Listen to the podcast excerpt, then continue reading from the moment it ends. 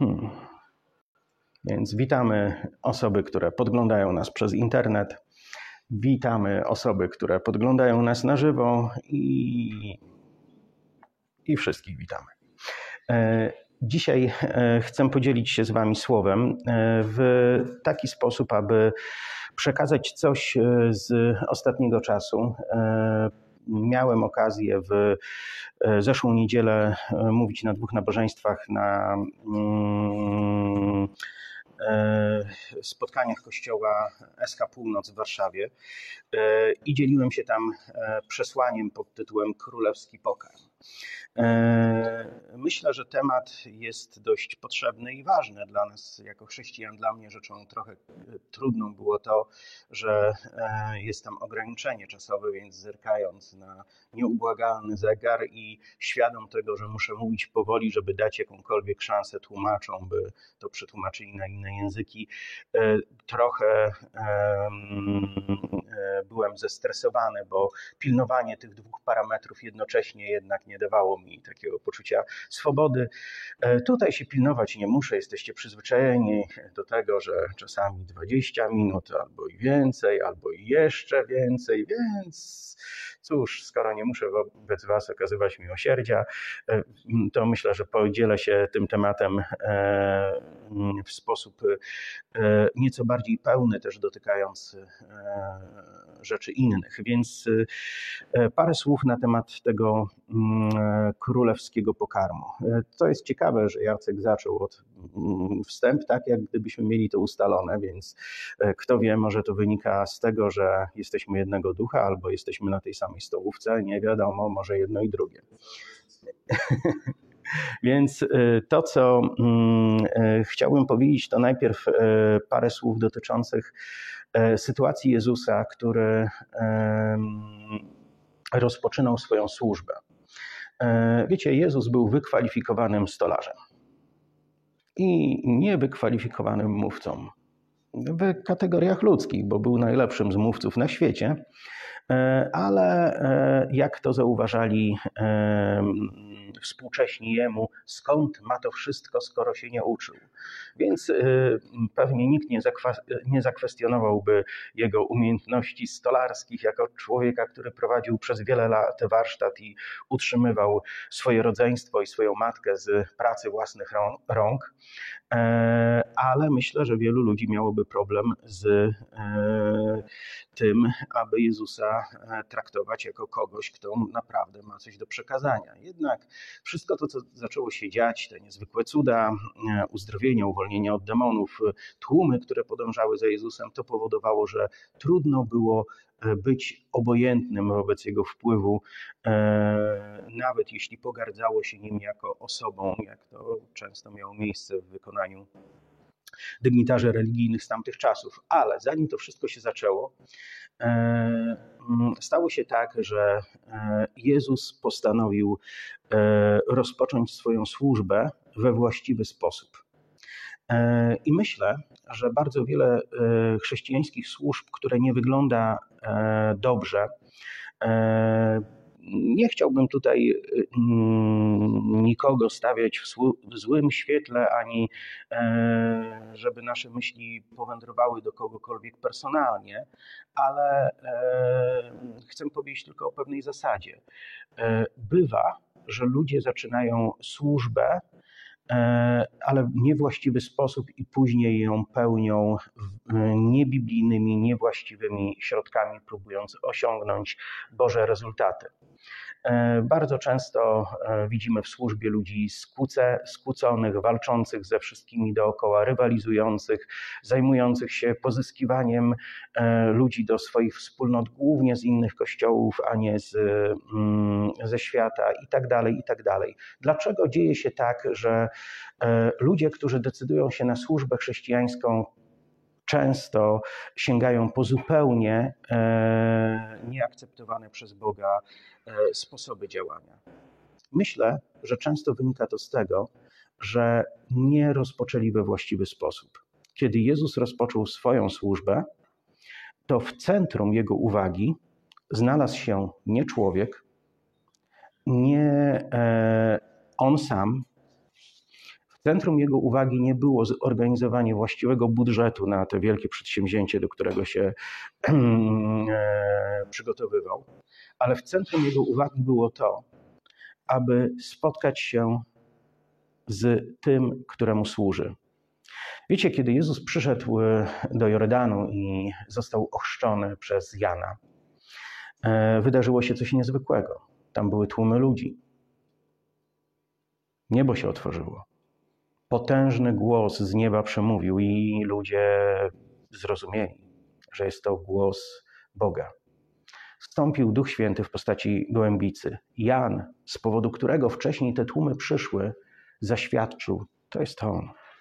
To jest ten, na którego czekamy. To jest ten, któremu nie jestem godzien nosić sandałów. Więc wiecie, to był dobry moment, aby uchwycić uwagę tych wszystkich ludzi i coś na tym zbudować. Ale to, co Biblia pokazuje, to to, że Jezus nigdy nie szedł za chwilą. On stwarzał różne niezwykłe e, sytuacje, ale nigdy nie stawał się sługą okoliczności. Jezus poszedł na pustynię, by spotkać się z tym, któremu miał służyć, a nie uchwycił tłumy, które były pod wrażeniem tego, co się wydarzyło. Jezus poszedł na pustynię i na tej pustyni pościł, e, nie jedząc. Wierzę, że pił. Myślę, że kiedy ludzie poszczą, nie powinni e, za bardzo E, krępować się tego, by nawadniać organizm, bo twój post może szybko przerodzić się w e, tragedię. Więc mm, wierzę, że Jezus nic nie jadł. Biblia mówi, że aniołowie byli z nim tam i usługiwali mu. Niewiele wiedziałem na temat pustyni w Izraelu. Jest tam ogromna pustynia Negeb. E, zawsze pustynię sobie wyobrażałem klasycznie, że pustynia to jest bardzo dużo piasku. Jeśli ktoś był na Negebie, to wie, że z piaskiem to nie ma nic wspólnego. To są skały. To jest ocean skał porytych, popękanych, e, różnych e, górek, różnych dołków, różnych malutkich wąwozów. Jest miejsce, w którym można znaleźć cień, można się schować w którejś szczelinie, można znaleźć tam różne, różnorodne jaskinie. Można spędzić sporo czasu na pustyni. Ale e, Jezus znalazł się na pustyni poszcząc w konkretnym celu. Co dzieje się, kiedy człowiek pości? Człowiek mówi nie własnemu ciału, co dzieje się, kiedy człowiek pości, izolując się od innych ludzi. Wiecie, jeśli chodzi o e, ludzką psychikę, nie chciałbym nikomu podpowiadać szalonych pomysłów, ale jeśli ktoś to zrobi, to niech później da mi znać i nie zakłada mi sprawy sądowej. e, kiedy człowiek się izoluje, kiedy na przykład zamyka się w całkowicie ciemnym pomieszczeniu na trzy doby, ma halucynacje. Gdzie nie trzeba ćpać. Kiedy człowiek się całkowicie izoluje, e, traci kontakt z innymi ludźmi, kiedy wchodzi w kompletną pustkę, to wiesz, przez jeden dzień możesz pomyśleć, że to relaksujące zajęcie, przez dwa też, ale po kilku kolejnych dniach zaczyna coś zmieniać się w twojej psychice, zaczynasz gadać do siebie, kłócisz się ze szczotką. I wcale nie dlatego, że nie chce latać. E, dlatego, że człowiek jest tak stworzony, że potrzebuje e, otoczenia. W więzieniu odizolowanie od innych więźniów, którzy często mogą być e, nieprzyjemni, nieobliczalni i też agresywni w stosunku do ciebie. Często odizolowanie w karcerze jest karą. Dlatego, że dla człowieka na dłuższą metę lepiej jest przebywać z innymi ludźmi, nawet nieprzyjemnymi, niż pozostawać w całkowitym osamotnieniu. Ale to, co Jezus zrobił, to Jezus odszedł na 40 dni na pustynię. I wiecie, nie zwariował tam. Jezus odszedł na te 40 dni po to, żeby spotkać się z Ojcem, po to, żeby przeżywać z Nim bliskość, po to, aby wyłączyć cały świat, aby wyłączyć całą uwagę, e, która mogłaby być przyciągana przez rzeczy dziejące się w doczesności, po to, by przez te 40 dni postu szukać Boga, spędzać z Nim czas, być z Nim. To było jemu potrzebne, dlatego że miał wystartować w kilkuletnią podróż, w trakcie której potrzebował naprawdę być poważnie zainspirowany. E, Jezus spotkał się z Bogiem. To było niesamowite. Jezus rozpoczął swoją służbę od spotkania z tym, z którym, któremu miał służyć. Kiedy patrzymy na dzieje apostolskie, możemy zauważyć, że hmm, Barnaba i Paweł e, mm, w 13 bodajże rozdziale jest napisane na początku tego rozdziału 13 lub 14, wybaczcie, jeśli e, się mylę, ale na początku któregoś z tych rozdziałów jest napisane, że w tym czasie usługiwali Bogu. W postach i modlitwach służyli Bogu, byli skupieni na Nim, E, my dzisiaj często, kiedy myślimy o służbie Bogu, to myślimy o służbie człowiekowi w imieniu Boga. Ale prawda jest taka, że e, jeśli ktoś nie nauczy się usługiwać Bogu, to jest to ktoś, kto też nie nauczy się służyć ludziom w imieniu Boga. I właściwe rozpoczęcie służby Bogu zawsze powinno zaczynać się od tego, co Jezus przedstawił nam jako wzór. Znaczy niekoniecznie wszyscy są w stanie przetrwać 40-dniowy post. Znam takich, co nie przetrwaliby 40-dniowego postu od Facebooka, ale e, e, jeśli nie nauczymy się usługiwać Bogu, jeśli nie nauczymy się skupiać na nim całej swojej uwagi, jeśli nasza tożsamość nie zostanie ukształtowana w wyniku naszej relacji z nim, to wtedy nasza służba w jego imieniu ludziom będzie mniej lub bardziej naznaczona poprzez e, naszą cielesność. I Myślę, że to jest przyczyną problemu, o którym e, wspomniałem wcześniej. Ludzie chcą służyć Bogu, ale tak naprawdę chcą odnosić sukcesy. I są gotowi odnosić te sukcesy nawet po przysłowiowych trupach, żeby było, że to ja mam rację, że to ja mam więcej, że to ja mogę coś pokazać. E, nie chciałbym nigdy ulec takim e, motywom co nie znaczy, że w przeszłości nie ulegałem takim motywom, ale wiecie, czasami mądrość przychodzi z wiekiem. Wiek przyszedł, mam nadzieję, że to drugie też. Więc e, to, co Jezus zrobił, to e, spotkał się z Ojcem. I kiedy dobiegł końca e, czas postu, okazało się, że nie czekają na niego tłumy, te, które 40 dni wcześniej usłyszały: Ten jest syn mój umiłowany, jego słuchajcie. E, pewnie byliby entuzjastycznie nastawieni tego pierwszego dnia, być może drugiego, trzeciego też, ale siódmego dnia to już byłaby tylko odległa sensacja. A dwa tygodnie później zastanawiali się, o co im chodziło, że za nim poszli. Pewnie tak by było. E, więc nie było tłumów, za to był ktoś inny. Na ten czas czekał szatan. Spotkał się z Jezusem i to, co jest ciekawe, następuje powtórzenie sytuacji z ogrodu Eden. Co zrobił szatan, kiedy spotkał się z Ewą? zakwestionował słowa Boga i zakwestionował ich tożsamość. Ewa, wiesz co? Tobie czegoś brakuje.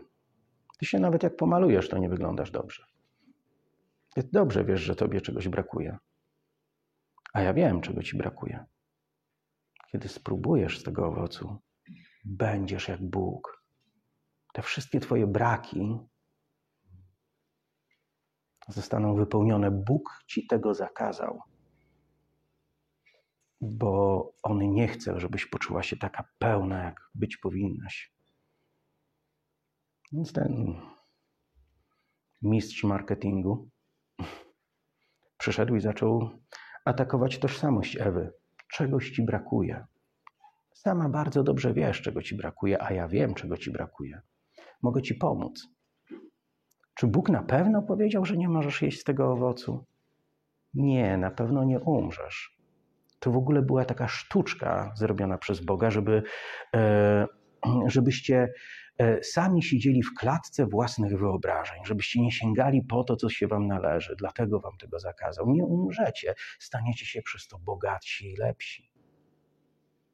Mistrz marketingu. Sorry, że tak dobrze mi wychodzi jego rola. Mam nadzieję, że nie wynika to z żadnych powiązań. Ale e, kiedy szatan przyszedł do Jezusa, zrobił coś bardzo podobnego. Jeżeli Ty jesteś Synem Bożym, jeżeli w ogóle jest w Tobie cokolwiek z Bożego Syna, to wiesz, to w Twoim życiu powinny wypełniać się te rzeczy z Pisma. Te wszystkie obietnice, te wszystkie proroctwa o Tobie wypowiedziane powinny się wypełniać. Jeśli Ty jesteś Panem świata, jeśli jesteś tym, który jest współtwórcą całej tej rzeczywistości, to Ty możesz powiedzieć tym kamieniom, aby zmieniły się w chleb, bo ja wiem, że teraz jesteś głodny. I wiecie, Jezus był głodny. Jezus potrzebował coś zjeść. Ale Jezus nie potrzebował niczego udowadniać diabłu.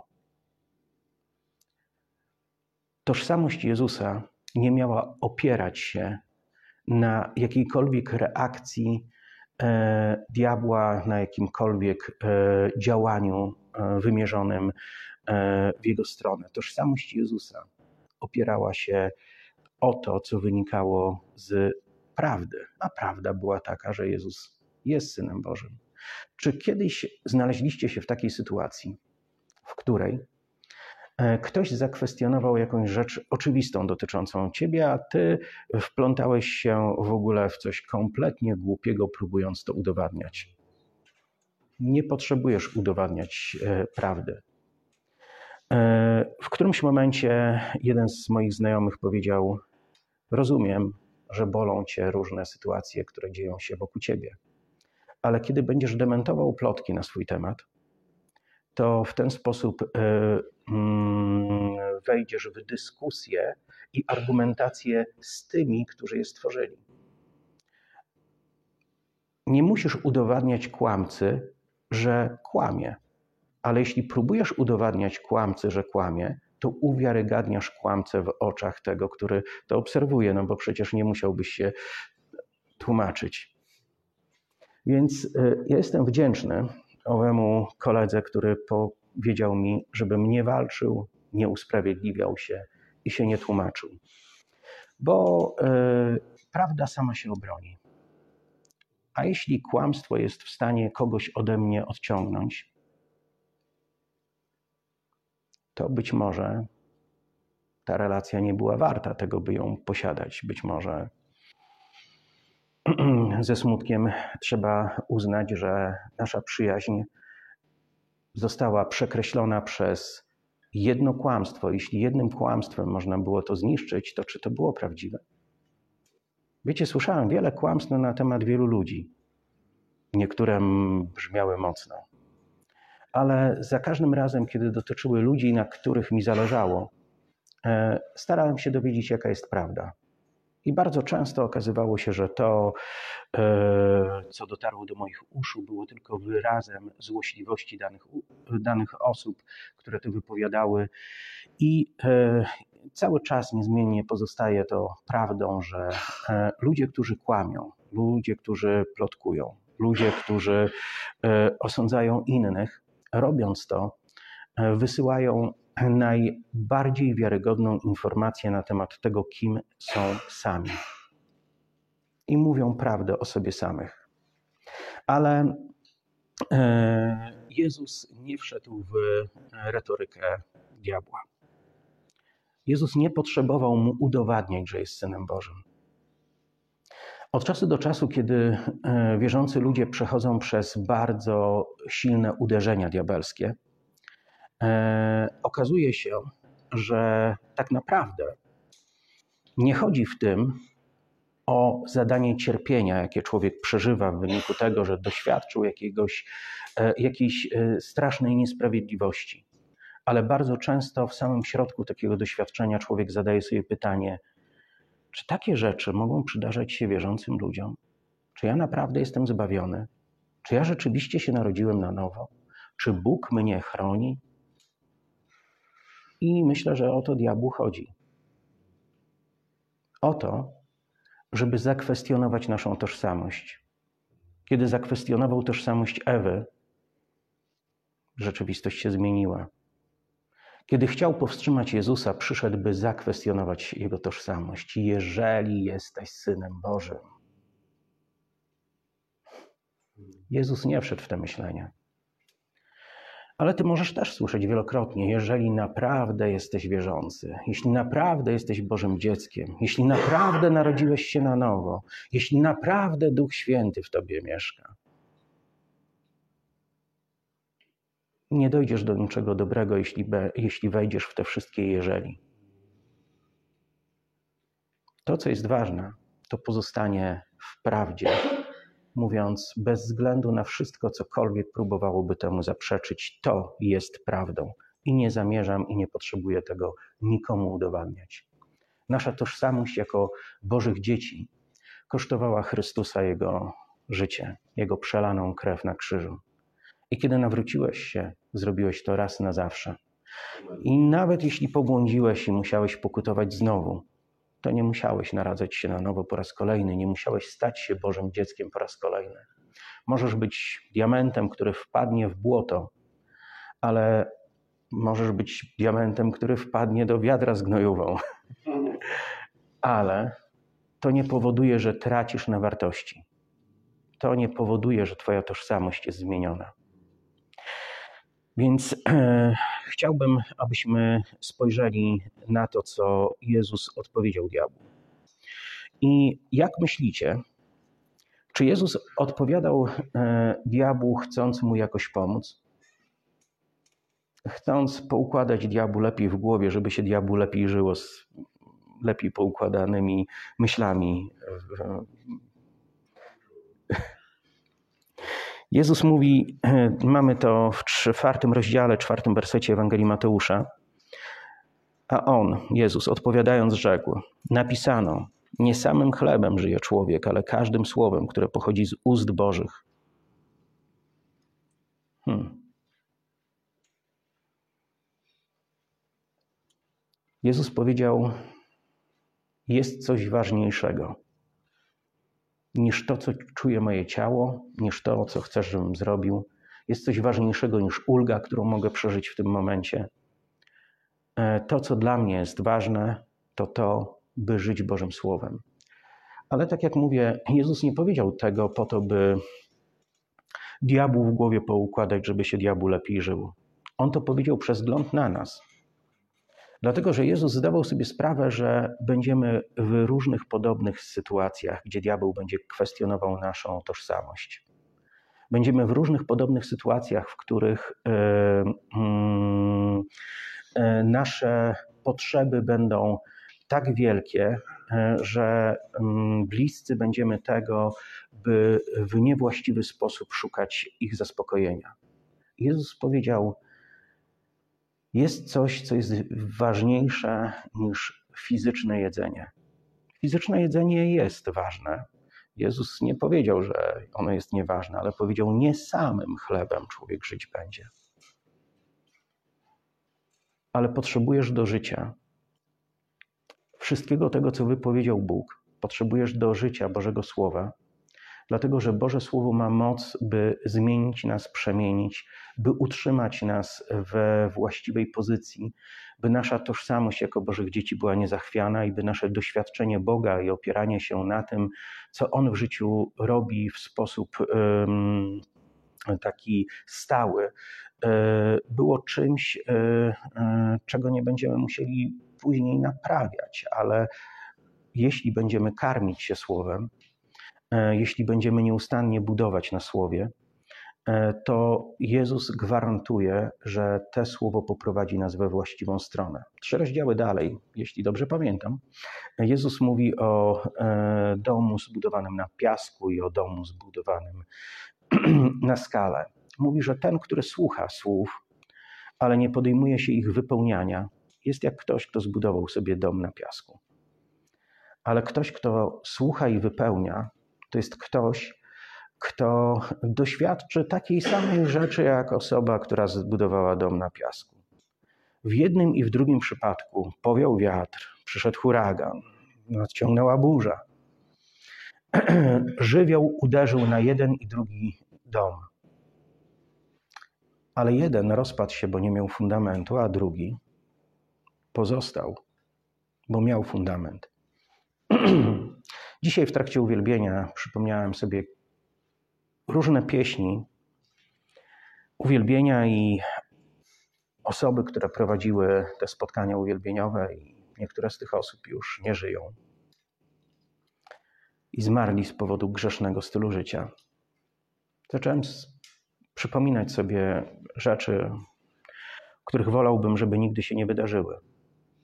Ale może być tak, że człowiek zachwyci się Bogiem, zachwyci się Ewangelią, zachwyci się doświadczeniami związanymi z Duchem Świętym, zachwyci się i będzie się tym zachwycał tak długo, aż przyjdzie próba. I kiedy przychodzi próba, okazuje się, że jedna osoba nie jest w stanie wydostać się z kleszczy rządz, które prowadzą w kierunku alkoholu, narkotyków. Ktoś inny potknie się o za krótką spódnicę sąsiadki, ktoś inny z kolei uzna, że e, to jest czas, kiedy musi zainwestować w siebie, więc, więc chyba nie będzie miał tyle czasu na marnowanie go na spotkania w kościele i tak dalej. Jest tyle mądrych książek poza Biblią, które warto przeczytać. Wiecie, są ludzie, którzy doświadczają Boga realnie, doświadczają Jego słowa realnie, ale później, w związku z tym, że się nie karmią, w związku z tym, że nie napełniają się słowem, e, świat rozbudza w nich żądze, za pomocą których wyprowadza ich daleko, a później rozprawia się z nimi bezlitośnie. Pewna kampania reklamowa mówiła: Jesteś tym, co jesz. Ja zawsze myślę o tym w taki sposób bardzo psychodelicznie, no, humorystyczny, co zrobię, że mam taki umysł, ale myślę o tych wszystkich prosiakach, które zjadłeś. I myślę sobie, jesteś Frankensteinem składającym się z ciał wielu prosiaków, których nie ma już pośród nas. E, składasz się z wielu kurczaków, które zjadłeś, z wielu ryb, z wielu e, pietruszek i rzodkiewek, e, ale każdy kawałek Twojego ciała kiedyś był częścią czyjegoś innego ciała. To ma brzmienie, nie? Każdy kawałek Twojego ciała kiedyś był jakimś owocem, warzywem, mlekiem, był e, mięsem, rybą. Wszystko to, zanim stało się Twoim ciałem, wcześniej było czymś innym. Jesteś tym, co jesz w wymiarze fizycznym. E, stąd dobrze jest uważać na to, co się je. Jedz tylko takie rzeczy, z których chciałbyś się składać. I stanie ci się według Twojego wyboru.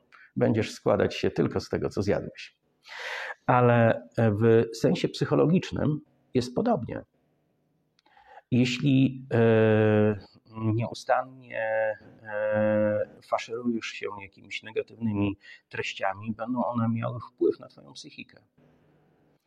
E, jeśli nieustannie E,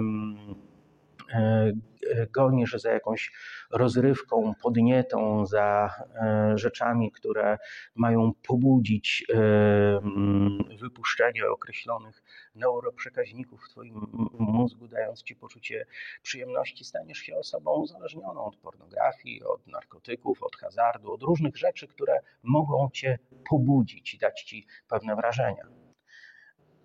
Ale Jeżeli jesteś osobą, która chce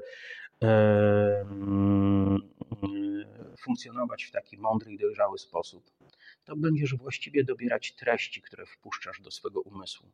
Bo to, co wpadnie do Twojego wnętrza przez Twoje oczy, to, co wpadnie do Twojego wnętrza przez Twoje uszy, zostanie tam. Zmagazynujesz w sobie zmagazynujesz w swojej psychice rzeczy, które tam wrzucisz. Posprzątanie psychiki nie jest łatwe, ale dzięki Bogu jest możliwe. I kiedy ludzie nawet bardzo dużo syfu nazbierali w swoim umyśle, są w stanie też y, zrobić z tym porządek.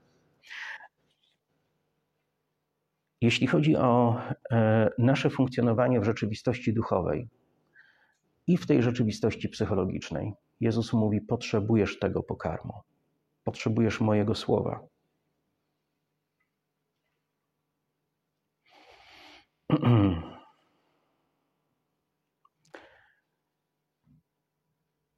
Wiecie, gdybyśmy żyli w świecie, w którym nie ma w ogóle alkoholu e, i ktoś przybyłby, nigdy w życiu nie spróbowałeś ani odrobiny alkoholu, e, i ktoś przybywa tutaj z degustacją, wyciąga e, butelkę i rozlewa wódkę do wielu kieliszków i mówi: Spróbujcie, to jest super. Wzięlibyśmy na język: Wow, uff.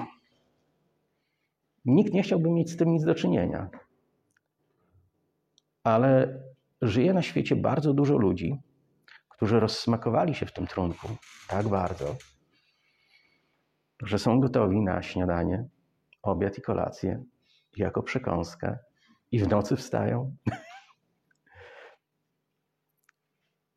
I kiedy ich spytasz, czy im to smakuje, no tak, no jest super, naprawdę świetne. Wiecie dlaczego? zaczyna nam smakować to, do czego się przyzwyczajamy. Ja kiedyś podjąłem decyzję, że muszę odstawić cukier. Pomyślałem sobie, i nie chodzi mi o cały cukier, to byłaby bardzo dobra decyzja, dojrzewam do niej, ale ale wiecie, postanowiłem, że przynajmniej przestanę słodzić kawy, herbaty, tym podobne rzeczy. To było w czasie, kiedy jeszcze zdarzało mi się wypić herbatę, e, więc to był gdzieś rok 2006. E, e, wyobraziłem to sobie w taki prosty sposób.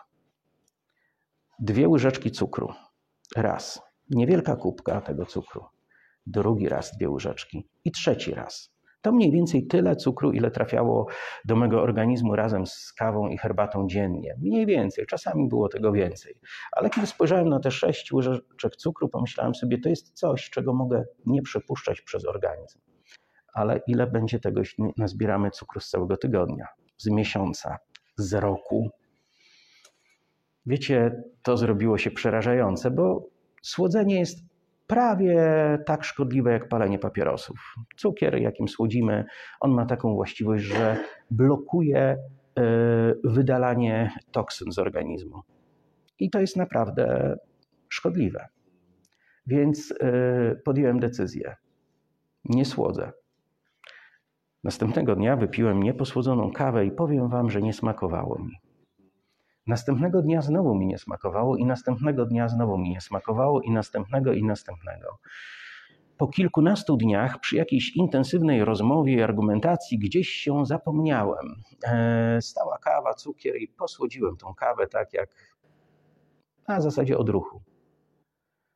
Wziąłem to do ust, wyplułem od razu do e, tego kubka i pomyślałem sobie, ktoś się pomylił ale tak smakowała kawa z cukrem. Nie zdawałem sobie sprawy, jak wstrętny jest to smak, dopóki moje kubki smakowe się nie oczyściły z tej potwornej substancji. Mam nadzieję, że żaden przedstawiciel przemysłu cukrowniczego nie wyśle Leona zawodowca, żeby usunął ten problem z ziemi. Ale prawda jest taka, że rozsmakowujemy się w tym, do czego się przyzwyczajamy. Kiedy piłem kawę z cukrem, bardzo mi smakowała. Dzisiaj, gdybym ją posłodził, nie byłbym w stanie jej wypić. Rozsmakowujesz się w tym, do czego się przyzwyczajasz. Jeśli przyzwyczaisz się do Bożego Słowa, będzie ci smakowało. Będziesz za tym tęsknił, będziesz chciał go więcej i więcej. Staniesz się obżartuchem. Będziesz chciał tego słowa jak najwięcej w sobie. Ale jeśli yy, nie zdecydujesz się na to, by karmić się Bożym Słowem, to wierz mi, że świat zrobi co może, by przyzwyczaić ciebie do treści, za którymi będziesz tęsknić i których będziesz chciał więcej i więcej i więcej i więcej. Zdecyduj o tym, co polubisz, bo to, co polubisz, poprowadzi ciebie. Stanie się Twoją wewnętrzną, psychologiczną i duchową energią prowadzącą Cię w określonym kierunku. Jeśli napełnisz się Bożym Słowem, pójdziesz w tym kierunku, w którym Boże Słowo prowadzi. Jeśli napełnisz się duchem tego świata, pójdziesz w tym kierunku, w którym ten świat prowadzi. Więc yy, to jest kwestia naszych wyborów. Ale powiem Wam, że jeśli chodzi o dietę, są pewne niebezpieczeństwa. Yy, jakbyśmy mieli tu jakiegoś lekarza, to pewnie by to potwierdził.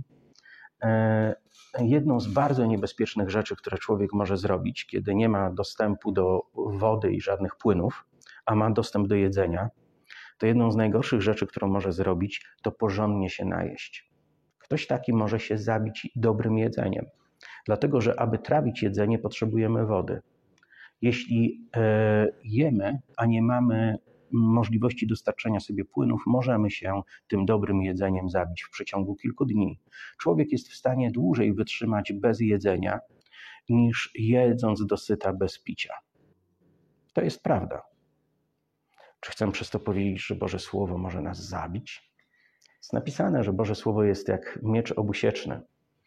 E, ale e, Paweł, który był faryzeuszem przed swoim nawróceniem, a faryzeusze, szczególnie wybitni, a do takich należał Paweł, posiadali ogromne części tekstu Starego Testamentu zapamiętane na pamięć. E, myślę, że nie jeden z nich znał cały Stary Testament na pamięć.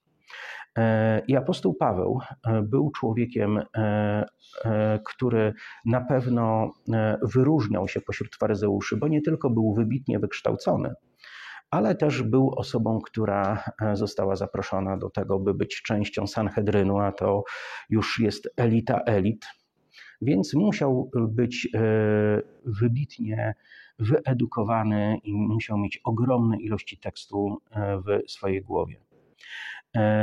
I apostoł Paweł mówi wiele ważnych rzeczy na temat słowa, podkreślając jego, cen, jego wartość, jaka jest nam mm, potrzebna, ale mówi też, że poznanie nadyma. I myślę, że Paweł spędził dużą ilość czasu pośród e, ludzi, którzy żądlowali wersetami, którzy popisywali się swoją wiedzą. E, I widział, że biorą te słowo e, i staje się te słowo czymś, co zamieniają jako argumenty dla budowania swojej pychy, swojej pozycji, samego siebie. Stąd też Paweł, jako doświadczony faryzeusz, mówi, że poznanie nadyma, litera nadyma. Litera zabija. Litera sama w sobie, e, mimo że to jest dobre słowo, to jeśli e, zetknie się z naszym cielesnym umysłem, jeśli zetknie się z naszą e, ludzką, grzeszną naturą, możemy zacząć używać tego słowa w zupełnie niewłaściwym kierunku. I dlatego też Jezus mówi o drugim rodzaju pokarmu.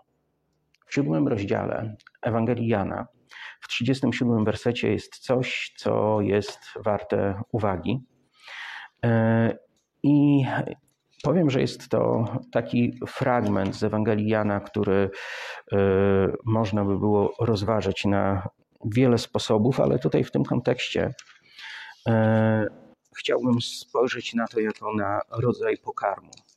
Siódmy rozdział, 37 werset. Jezus mm, tutaj e, niedługo przed swą ostatnią e, podróżą do Jerozolimy. Biblia mówi, a w ostatnim wielkim dniu święta stanął Jezus i głośno zawołał: Jeśli kto pragnie, niech przyjdzie do mnie i pije. Kto wierzy we mnie, jak powiada pismo, z wnętrza jego popłyną rzeki wody żywej. A to mówił o duchu, którego mieli otrzymać ci, którzy w niego uwierzyli. O, może tutaj się zatrzymajmy. Potrzebujemy Bożego Ducha, bo tylko On jest w stanie nas właściwie poprowadzić i przemawiać do nas poprzez te słowo. Tylko On może pomóc nam te słowo we właściwy sposób strawić. Potrzebujemy tego słowa, ale potrzebujemy też mieć zdolność właściwego strawienia tego słowa. Wiecie, co dzieje się z samochodami, kiedy zatankujemy je niewłaściwym paliwem? Kiedyś spotkałem się z dwoma pastorami. Spędziliśmy czas y, całkiem sympatycznie, zjedliśmy obiad, rozstaliśmy się i w którymś momencie jeden z nich dzwoni i mówi: Wiesz, zatankowałem samochód właśnie. Mówi: To chyba dobrze. No nie. Zatankowałem do pełna. Diesla benzyną. E, ten rodzaj silnika nie ma możliwości zamieniania takiego rodzaju paliwa w e, energię, która by dała szansę temu samochodowi jeździć, więc trzeba się tego pozbyć z baku i tak dalej, i tak dalej. E, my, kiedy chcemy być pełni Bożego Słowa, musimy też być pełni Bożego Ducha. I wiecie, czymś innym jest e, analizowanie słów, czymś innym jest rozważanie, czymś innym jest intelektualna praca nad Biblią, a czymś zupełnie innym jest to, kiedy Duch Święty do ciebie przemawia i używa tego słowa i zamienia to słowo w inspirację do zrobienia czegoś. Zaczyna poruszać tym słowem w tobie.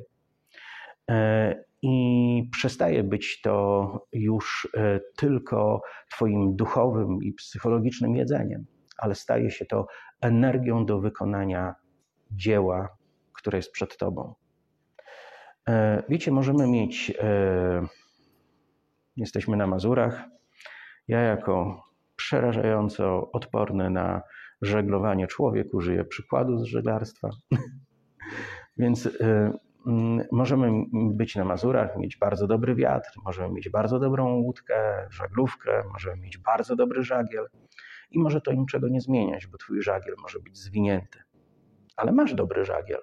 Masz dobry żagiel, dobrą żaglówkę i dobre warunki e, do tego, by żeglować. Ale dopóki nie rozwiniesz żagla, to ten wiatr, mimo że niesie ze sobą potężną energię, nie zaprowadzi cię donikąd. I tak samo jest z nami. Możemy napełniać się dobrym nauczaniem, ale jeśli nasze e, życie z Duchem Świętym nie jest właściwie rozbudzone, to to może e, spełznąć na niczym. Możesz być kimś, kto ugotuje sobie głowę wiedzą biblijną niczym jajko na twardo i będziesz miał z tego jeszcze mniej pożytku niż z jajka na twardo. Nic, tylko się nadymasz, spuchniesz i może będziesz patrzeć na wszystkich innych z góry. Ale słowo nie jest po to, by dać nam poczucie intelektualnej wyższości nad kimś innym, dlatego że mamy większe poznanie. Słowo jest dane nam tak jak e, benzyna do samochodu. To ma zmienić się w energię do Twojego działania, to ma zmienić się, to ma Ciebie pobudzić, to ma Ciebie uruchomić, to ma Tobie coś dać. I to jest możliwe tylko w tym momencie, kiedy Słowo i Duch łączą się w Tobie. Kiedy Duch zaczyna używać słowa, które e, e, zainstalowałeś w swoim wnętrzu. W jaki sposób słowo może dostać się do Twojego wnętrza? Tylko w wyniku aktu Twojej woli, jeśli zdecydujesz. Jeśli ktoś inny chciałby Cię napełnić słowem, będzie gadał przy Tobie, a Ty nie będziesz tego słuchać. Czasami zdarza mi się zamyśleć w samochodzie. Po jakimś czasie myślę, kurczę, tego nie było w księdze sędziów, to jest niemożliwe. Coś jest nie tak. Jestem w księdze Samuelowej. Okazało się, że w ogóle już spory kawał e, mm, tego tekstu e, został przeczytany mm, bez e, udziału mego umysłu. Te dźwięki były w samochodzie, ale nie zahaczyły się o mój mózg. Nikt nie jest w stanie ciebie nakarmić słowem. Tylko ty możesz to zrobić. Tylko ty możesz świadomie przykuć uwagę do tego słowa i wypełnić się nim. Nikt nie jest w stanie dać ci pragnienia, by napić się Bożego Ducha. Nikt nie jest w stanie za ciebie pragnąć. Jezus powiedział: Jeśli ktoś pragnie, niech przyjdzie do mnie i pije. Wiecie, to jest królewski pokarm. Jesteśmy rodem królewskim, kapłańskim. Bóg chce, abyśmy korzystali z rzeczy, które są najcenniejsze, najważniejsze, które mogą dać nam e, to, czego dokładnie potrzebujemy, ale prawdą też jest to, że nawet sam Bóg nie jest w stanie nas tym nakarmić, jeśli my nie zdecydujemy się napełniać Bożym Słowem, napełniać Bożym Duchem. Jeśli my nie będziemy szli w tym kierunku, to Bóg tego za nas nie zrobi. E, co dzieje się, kiedy e, nie karmimy się w taki sposób, by to pobudzało nasz głód? Może to brzmi sprzecznie, ale chodzi o rozsmakowywanie się w tym. Jeśli rozsmakujesz się w słowie, jeśli rozsmakujesz się w e, Bożej obecności, to będziesz za tym tęsknił i będziesz chciał tego więcej i więcej i więcej. Tak to działa. Ale jeśli wypadniesz z tego, to czytanie Biblii będzie czymś, do czego będziesz musiał się zmuszać. Jeśli jesteś na takim etapie, to nie doświadczasz niczego strasznego i nie znaczy, że odpadłeś od wiary. To znaczy, że e, coś zaniedbałeś w swoim życiu i coś potrzebujesz naprawić. Jeżeli dojdziesz do takiego etapu, gdzie zniechęcenie, znużenie, dość e, cyniczne myśli będą odsuwać ciebie od poszukiwania Boga, no to możesz wiedzieć, że diabeł już wykonał w tobie pewną pracę, by cię zablokować. Potrzebujesz e, zmusić się do tego, by się na nowo nakarmić tym, co jest święte, tym, co jest czyste. To ciebie oczyści z tych wszystkich niewłaściwych postaw, a jednocześnie możesz w ten sposób uruchomić e, się w taki sposób, że e, zacznie pojawiać się w tobie na nowo tęsknota za Słowem, za Bożą obecnością. Kiedy tego nie masz, możesz spowodować to, że znowu to w tobie powstanie, ale najpierw musisz zgodzić się na odrobinę wysiłku. Bóg oczekuje od nas, że będziemy pełni Jego słowa, że będziemy pełni Jego ducha. I wie, że to są nasze wybory. Nie upijajcie się winem, ale bądźcie pod wpływem Ducha Świętego, tak jest napisane w piśmie. Czyli tak jak naszym wyborem może być to, że wygrzebiemy z piwniczki e, czekający na tą niezwykłą chwilę e, e, rekwizyt z naklejką biały patyk, E, tak jak to jest naszym wyborem, by móc sięgnąć po e, alkohol, tak również naszym wyborem jest to, by sięgnąć po Bożą obecność. I tak to apostoł Paweł przedstawia w tym tekście. To ty wybierasz.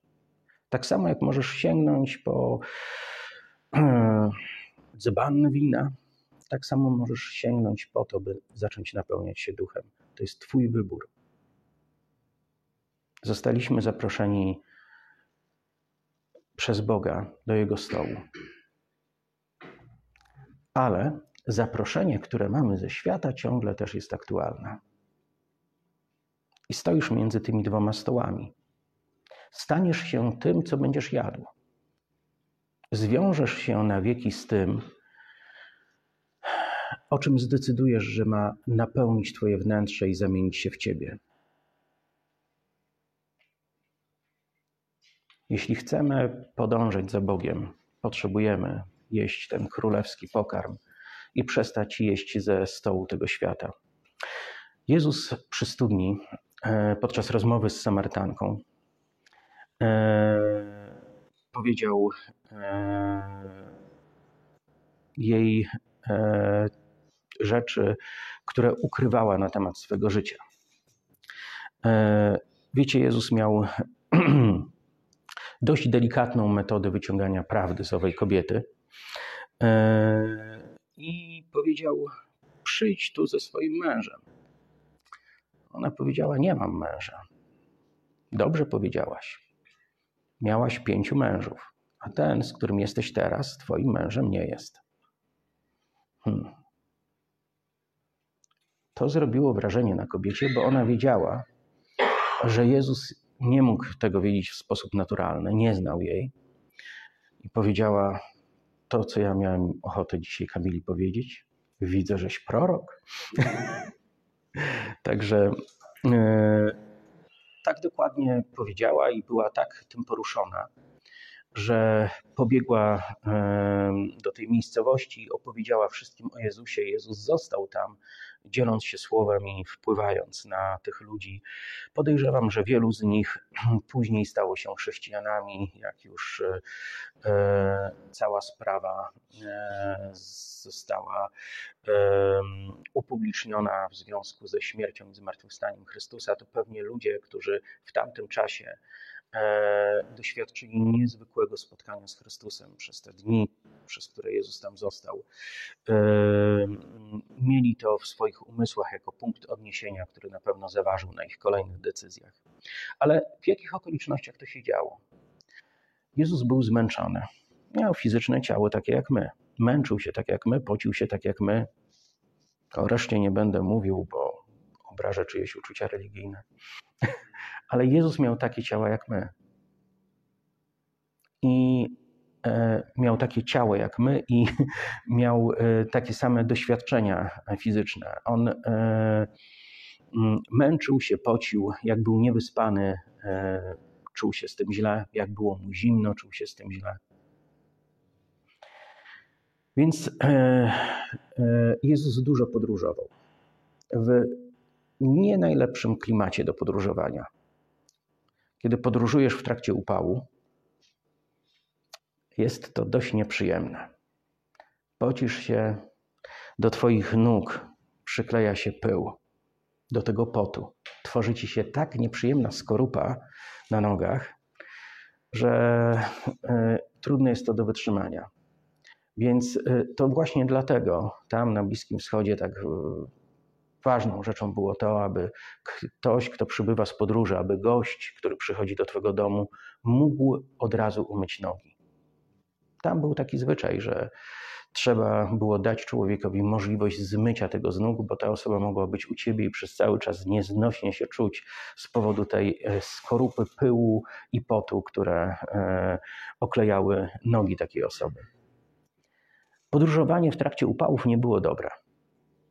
Spanie pod gołym niebem w tamtym klimacie też nie jest dobre, bo tam w dzień upał, w nocy zimno. Kiedy e, jest taka jednostajna temperatura, człowiekowi łatwiej jest to znieść. Kiedy e, my mamy zimę, przyzwyczajamy się do tego, że jest zimno, jakoś znosimy to bez większego problemu. Mamy lato, też przyzwyczajamy się do tego, że jest ciepło i jakoś to znosimy. Ale oni tam mają codziennie zimę i lato. znaczy, może nie aż w takiej rozpiętości jak u nas, e, ale kiedy organizm musi się przestawiać z tych dwóch trybów i osoby, które w zimę gdzieś pojechały do ciepłych krajów albo na odwrót wiedzą o co chodzi. Kiedy e, twój organizm musi przestawiać się z trybu grzejemy na tryb chłodzimy, to jest to pewien wysiłek dla organizmu. I ktoś, kto powiedzmy raz, dwa razy, czy mm, poleci do ciepłych krajów w trakcie zimy, y, widzi ten e, efekt w organizmie. Ale oni tam przeżywali to codziennie. To naprawdę jest męczące. Jezus nie spał, często modląc się całe noce. Jezus naprawdę w ramach swojej e, misji potrafił być wykończony fizycznie, bo przechodzili dziesiątki kilometrów spali pod gołym niebem. E, Jezus często głośno wykrzykiwał swoje przesłanie do wielkich tłumów. E, Jezus spędzał wiele nocy na modlitwie. Jezus naprawdę bywał czasami bardzo zmęczony. Więc Jezus został przy studni, dlatego że był zbyt zmęczony nawet na to, by pójść z uczniami i kupić e, sobie jedzenie. Więc uczniowie w drodze na zakupy powiedzieli: Panie, biedronka jest za trzy wzgórza dalej. Nie mamy sumienia siebie ciągnąć tam, ale usiądź tutaj, posiedź, my napakujemy wózek i zaraz będziemy. Więc Jezus został przy studni i wtedy odbył tą rozmowę. On był tam, bo był zbyt zmęczony, by iść z nimi po jedzenie. Ale w trakcie tego czasu Jezus e, porozmawiał z ową kobietą Duch Boży dał mu objawienie. To objawienie spowodowało, że owa kobieta stała się kluczem do tej miejscowości, sprawiając, że przez kolejne dni ci ludzie byli gotowi słuchać Bożego Słowa. E, ojciec posłużył się Chrystusem w taki wyrazisty sposób. Przychodzą uczniowie do tego głodnego, spragnionego Jezusa, który powiedział do tej kobiety: Daj mi pić, a ona z nim ucięła pogawędkę, a później uciekła. Więc siedząc przy studni, nawet się nie napił. E, uczniowie przyszli już z jedzeniem. Pchają wózek, już myślą e, mm, o tym, jak nakarmią swego mistrza. Mistrz będzie szczęśliwy, e, dobrze się o mistrza zatroszczą. A Jezus, który chwilę wcześniej był zbyt zmęczony, by jeść, zbyt zmęczony, mm, przepraszam, nie by jeść, tylko by iść z nimi po to jedzenie, był spragniony on nie chce jeść. Kto go nakarmił? Są jakieś lewe źródła. Zaczynają śledztwo. A Jezus mówi: Nie. Moim pokarmem jest pełnić wolę mego Ojca. Doświadczyłem tego dziesiątki razy, kiedy byłem totalnie zmęczony. Prowadzisz samochód przez 6 godzin, myślisz, że zrobisz sobie przerwę, ale po drodze E, siły ciemności przygotowały ci kilka korków. Więc siedzisz w tym samochodzie, nie masz możliwości nawet wyskoczyć, żeby kupić sobie jakieś picie czy jedzenie. E, żadnej przerwy, e, dojeżdżasz do kościoła, okazuje się, że już tam piątą pieśń poza planowanym uwielbieniem śpiewają z powodu twojego spóźnienia, więc wysiadasz z samochodu i nie odpoczniesz. Zaczynasz głosić, masz zaplanowane dwie sesje. Bez odpoczynku głosisz przez dwie sesje, później modlisz się przez kolejne cztery godziny o ludzi. I wiecie, to fizycznie nie jest do zrobienia. Ale w wielu takich sytuacjach mogłem sobie przypomnieć ten e, werset, gdzie Jezus powiedział: Moim pokarmem jest pełnić wolę mego Ojca. Kiedy robimy dokładnie to, czego Duch Święty od nas chce, to Duch Święty dostarcza do tego energii, dostarcza do tego siły.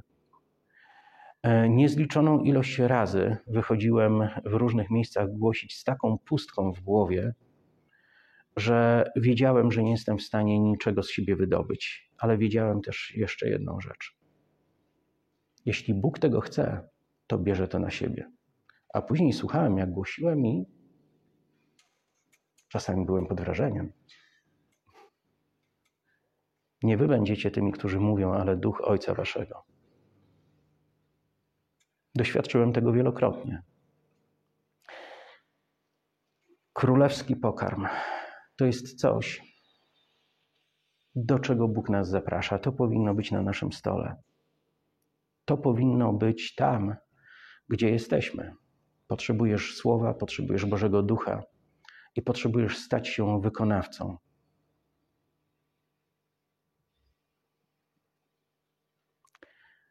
E Taki przykład. Wiecie, mamy ostatnio wojenną sytuację. E, czas jest też przedstawiany w taki sposób trzeci miesiąc wojny. Więc to nie jest dziwne, że e, żyjemy tymi wydarzeniami. Ale chciałbym przedstawić taki przykład. Kiedy masz pocisk, w środku jest proch. Ten proch ma energię skumulowaną w sobie, aby ten pocisk wyrzucić bardzo daleko i bardzo szybko i dokonać najróżniejszych e, zniszczeń.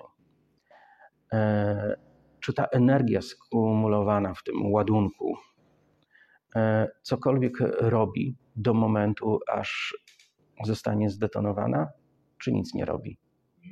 No. A my jesteśmy takimi chrześcijanami, w których życiu okaże się, co zostało w tobie skumulowane dopiero w czasie działania. Możesz napełniać się prochem, może być tego w tobie bardzo dużo, ale dopóki nie zostanie to odpalone, to wydaje się, że to nic nie robi i nic nie zmienia. Bóg uwalnia to, co w nas inwestuje w momencie, kiedy decydujemy się na działanie i posłuszeństwo. Jesteśmy powołani, by nakarmić się i by być do Jego dyspozycji. Jesteśmy powołani do tego, byśmy mogli, podobnie jak Jezus, powiedzieć: Moim pokarmem jest pełnić wolę Ojca mego. Czy doświadczyliście podobnych rzeczy? Czy to się zdarza, że widzimy, że jesteśmy zniechęceni, mamy dość, chcemy iść spać albo coś takiego, Twoje ciało odmawia Ci posłuszeństwa, ale nagle pojawia się coś, czego Bóg chce od Ciebie i okazuje się, że Twoje ciało już nie ma nic do powiedzenia. Przychodzi wsparcie prosto z nieba. Doświadczyłem tego wiele razy i myślę, że jest, do tego jesteśmy doświadczeni. E, przepraszam. E, do tego jesteśmy powołani, aby doświadczać tego wielokrotnie w swoim życiu. Chyba zakończę. Amen, amen.